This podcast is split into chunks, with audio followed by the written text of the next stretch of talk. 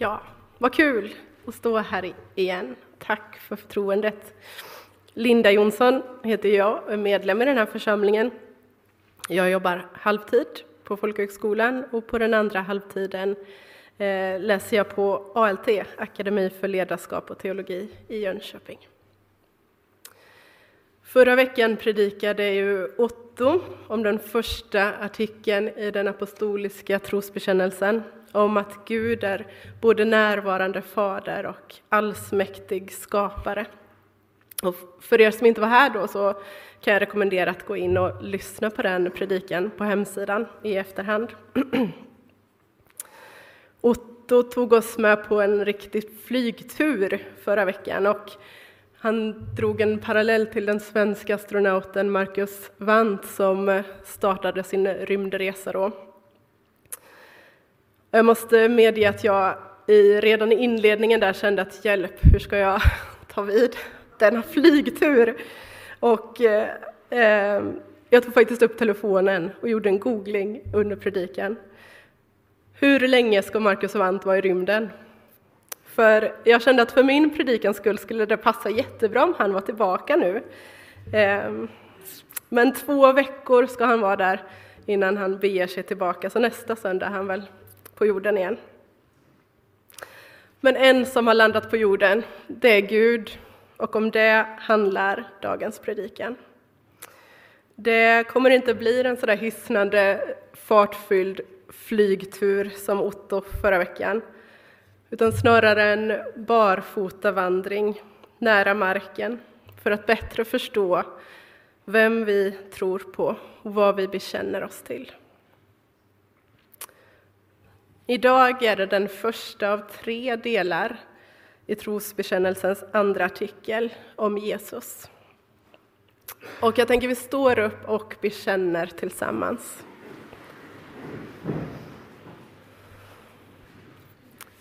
Vi tror på Gud Fader allsmäktig, himmelens och jordens skapare. Vi tror och på Jesus Kristus, hans enfödde Son, vår Herre, vilken är avlad av den helige Ande, född av jungfrun Maria, pinad under Pontius Pilatus, korsfäst, död och begraven, nederstigen till dödsriket, på tredje dagen uppstånden igen från de döda, uppstigen till himlen, sittande på allsmäktig Gud Faders högra sida, därifrån igenkommande till att döma levande och döda.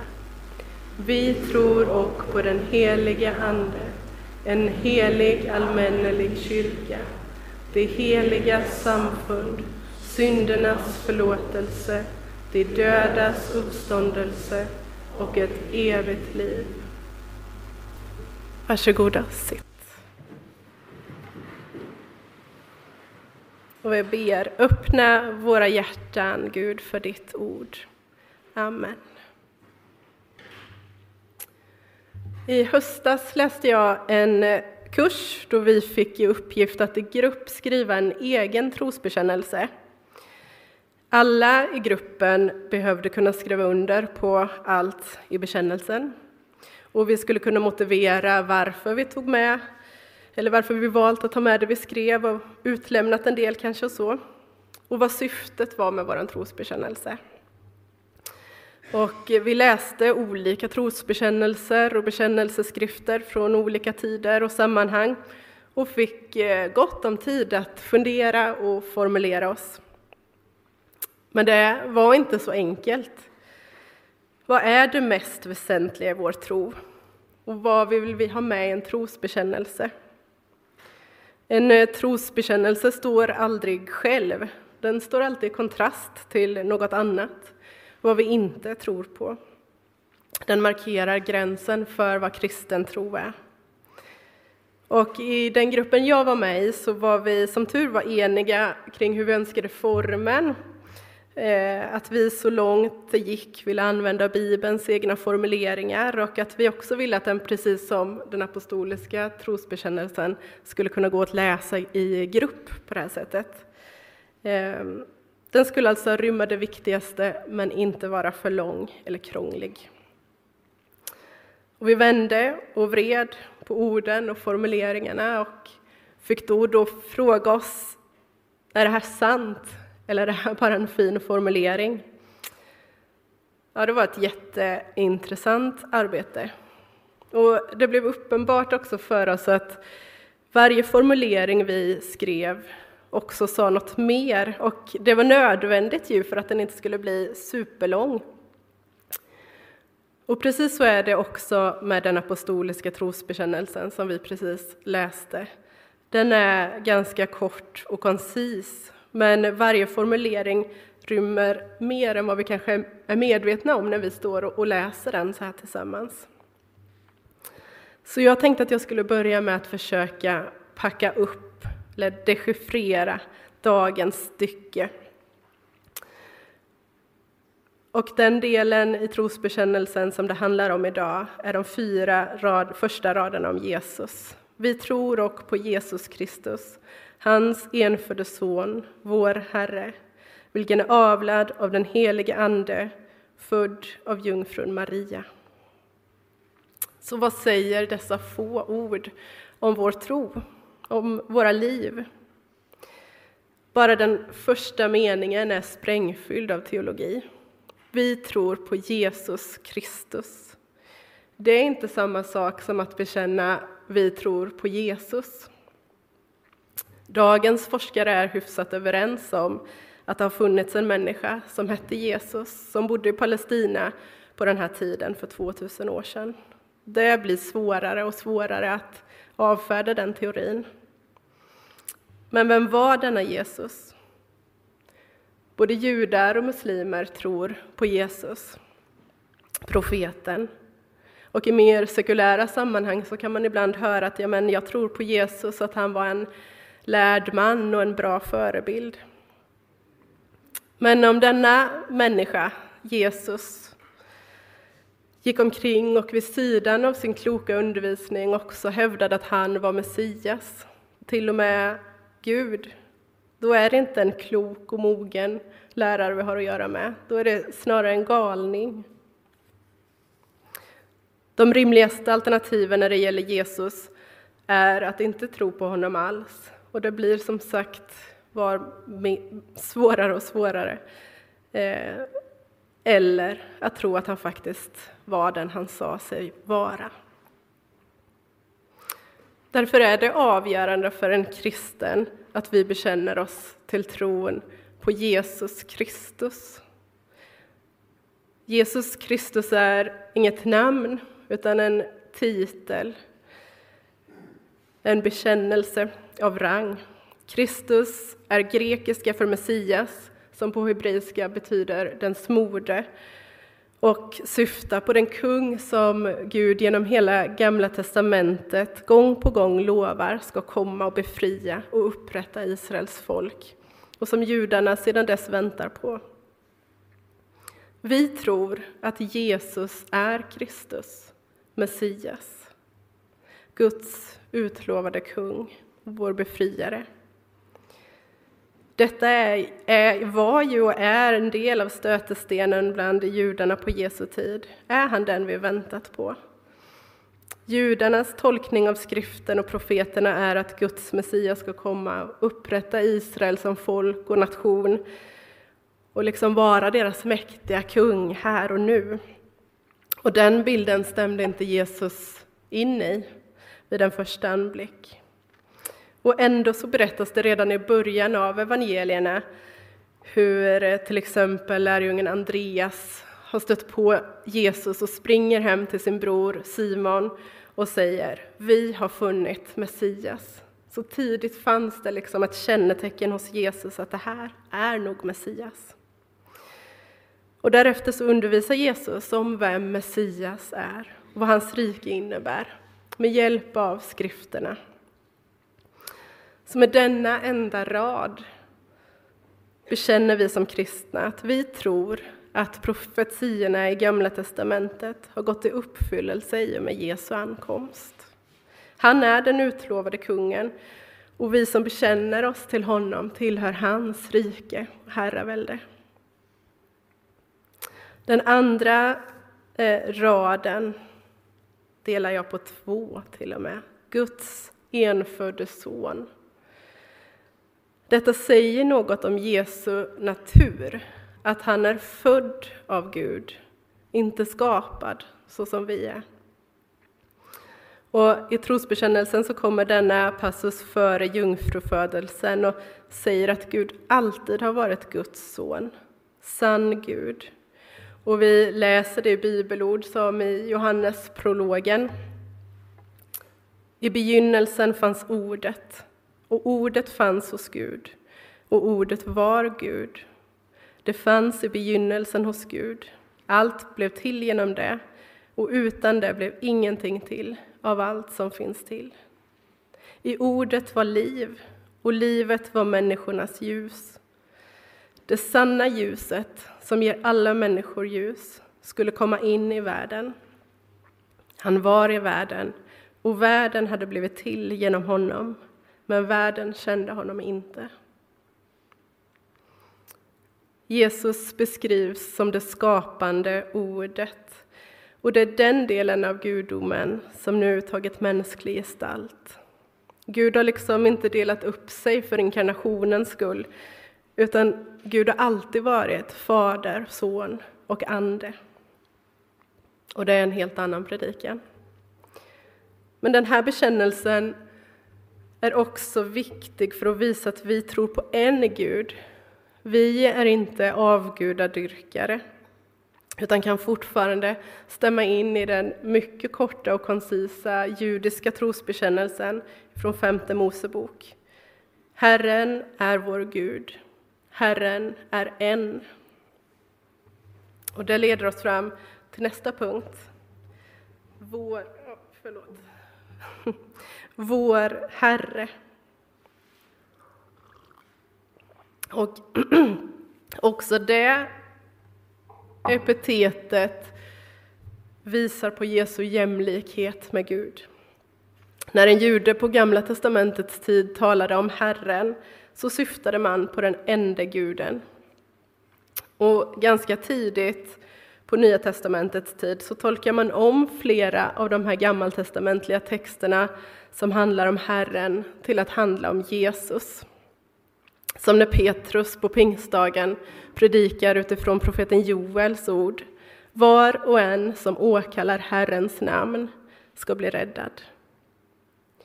Lärjungarna kallar Jesus för Herren och också han själv säger så om sig själv. Som när han ber lärjungarna gå och hämta en åsna inför intåget i Jerusalem på palmsöndagen. Herren behöver den, instruerar han dem att säga när de hittar den här åsnan att låna. Men vi bekänner inte bara att han är Herren, utan att han är vår Herre. Vi underkastar oss Jesus, var och en av oss. Vi lägger våra liv i hans händer, säger att hans vilja för våra liv är det viktigaste. Och vi bekänner också som kollektiv, vi som församling, att vi har Jesus som Herre. Det är till Jesus som kyrkan har sin största lojalitet och trohet. Och varje gång vi bekänner vår tro är en påminnelse till oss om vem som är Herre över våra liv. På Nya testamentets tid och även vid tiden då den apostoliska trosbekännelsen formulerades så var detta också en tydlig politisk markering. I romarriket var det ju kejsaren som var herre, eller som kallades herre. Och när de kristna bekände Jesus som sin Herre så var det en tydlig markering mot kejsarmakten, mot den begränsade makt som kejsaren trots allt hade, och att det är Gud som har den yttersta makten. En ganska farlig markering för många då, och för en del fortfarande idag.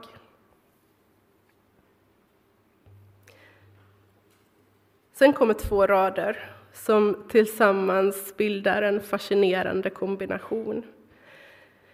Avlad av den helige Ande och född av jungfru Maria. avlad av den helige Ande, alltså är Jesus sann Gud och född av jungfrun Maria. Alltså är Jesus sann människa. Ett faktum som är lika obegripligt som viktigt att hålla ihop i den kristna tron. Vi ska dröja lite vid de här två sista raderna och det faktum att Gud blev människa. Det vi på kristet språk kallar inkarnationen efter grekiskans inkarne, i köttet. Att Gud blev kött. För i ingen annan religion finns det något som liknar inkarnationen. Att Gud skulle ha intresse av att bli människa. Däremot så är det vanligt med det omvända, att människan med mycket möda ska nå upp till Gud i någon mening. Människans naturliga strävan tycks alltid ha varit uppåt. Redan från Babels torn och till dagens karriärklättring. Men vår Gud, han gör det omvända. Och han ber oss att följa efter. Ni vet, följ mig, säger Jesus till människorna han möter. Och det är en vandring neråt. Därför ser vi att inkarnationen lär oss något mycket viktigt. Både om vem Gud är, men också om vilka vi själva är och vilka vi är i Guds ögon. För det första så är Gud en ödmjuk Gud. Och hade vi inte sett det innan så är det utom tvivel nu. I Filipperbrevet så står det han ägde Guds gestalt, men vakade inte över sin jämlikhet med Gud, utan avstod från allt och antog en tjänares gestalt då han blev som en av oss. För det andra, Gud är närvarande, inte långt borta. Och om detta predikade Otto förra veckan också. Gud har alltid varit närvarande och vandrat neråt. Han vandrade i trädgården i Eden, men nu har ordet blivit människa och det bodde bland oss, som Johannes skriver. För det tredje så säger det att Gud är intresserad av hela våra liv. Han bejakar vår mänsklighet genom att själv bli människa. Och det är ibland lätt att luras att tro att Gud bara skulle vara intresserad av det, he, det andliga. Men han är intresserad av våra liv. Han gläds med oss när vi har det gott och gråter med oss när vi har det tufft med sjukdom, ekonomi eller relationer eller andra rent mänskliga bekymmer. För det fjärde så lär det oss att om Gud blir människa i Jesus Kristus, då är skapelsen och människan något gott. Vi är inga misstag som Gud ångrar. Inte heller skapelsen är ett misstag som Gud ångrar. Utan både vi och hela skapelsen får sin bekräftelse i inkarnationen. Vi ska inte se ner på oss för att vi bara är människor. Människan är skapelsens krona och har medansvar för att ta hand om resten av skapelsen. Det läser vi redan i Bibelns första kapitel. Och det låter Gud oss förstå när han blir människa. Till sist, om Gud har blivit människa i Jesus Kristus, då kan vi möta Gud i vår mänsklighet. Vi behöver inte sträva efter att bli något annat än det vi är. Och inom religioner som hinduism och buddhism och många nyandliga rörelser så handlar andligheten om att lämna det mänskliga och uppnå en högre dimension, någon slags ren andlighet. Och flera av er hörde kanske här för några veckor sedan om Kalla faktas granskning av Love and Light-rörelsen som i princip uppmuntrar människor att begå självmord om man känner att man inte kan nå upp till den här femte och mest rena andliga dimensionen. Också kyrkan har genom tiderna gjort sig skyldig till förnekandet av kroppen och det mänskliga. Man har behövt trycka undan känslor och mänskliga behov för att ge all plats till andligheten. Men vi ser ju i Jesus att han grät, han var glad, han blev upprörd och trött och hungrig. Det första undret han gör är att förvandla vatten till vin när vinet på en bröllopsfest snopet tar slut. Så världsligt. Och inför sin död instiftar han nattvarden, detta trons mysterium som visar sig i bröd och vin.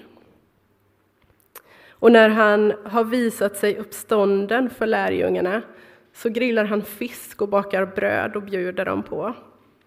Det är liksom mitt i det här gudomliga som möter det mänskliga. Ehm, det är totalt förenat i Jesus.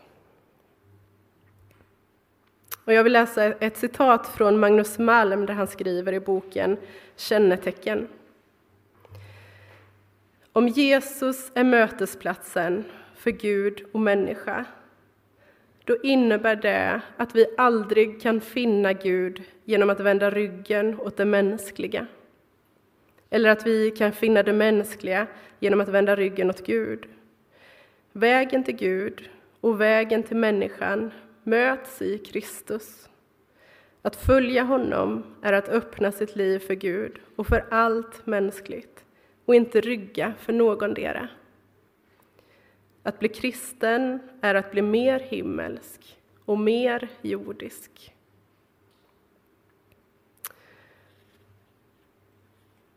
Och jag vill läsa från Johannes evangeliet kapitel 14 där Jesus pratar med sina lärjungar. Säger så här, vägen dit jag går, den känner ni. Thomas sa, Herre, vi vet inte vart du går, hur kan vi då känna vägen? Jesus svarade, jag är vägen, sanningen och livet. Ingen kommer till Fadern utom genom mig. Om ni har lärt känna mig ska ni också lära känna min fader. Ni känner honom redan nu och ni har sett honom. Filippos sa, Herre, visa oss Fadern, det är nog för oss. Jesus svarade, så länge har jag varit tillsammans med er och ändå känner du mig inte, Filippos. Den som har sett mig har sett Fadern. Avslutningsvis vill jag dela en bild som kom till mig här en kväll den här veckan. Ur, från en berättelse ur Jesu liv, när han tvättar lärjungarnas fötter där som bara slavar och tjänare gjorde. Du vet, Jesus tvättar dina fötter. Han använder inte distanserande mun, munskydd.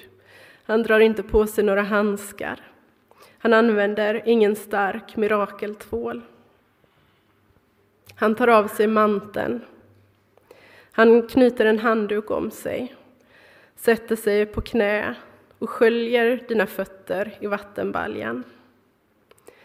Han skrubbar dina fötter mellan sina bara händer, känner dina förhårdnader och oklippta naglar, noterar en klämd blå nagel eller avskavt nagellack som du inte orkat piffa till.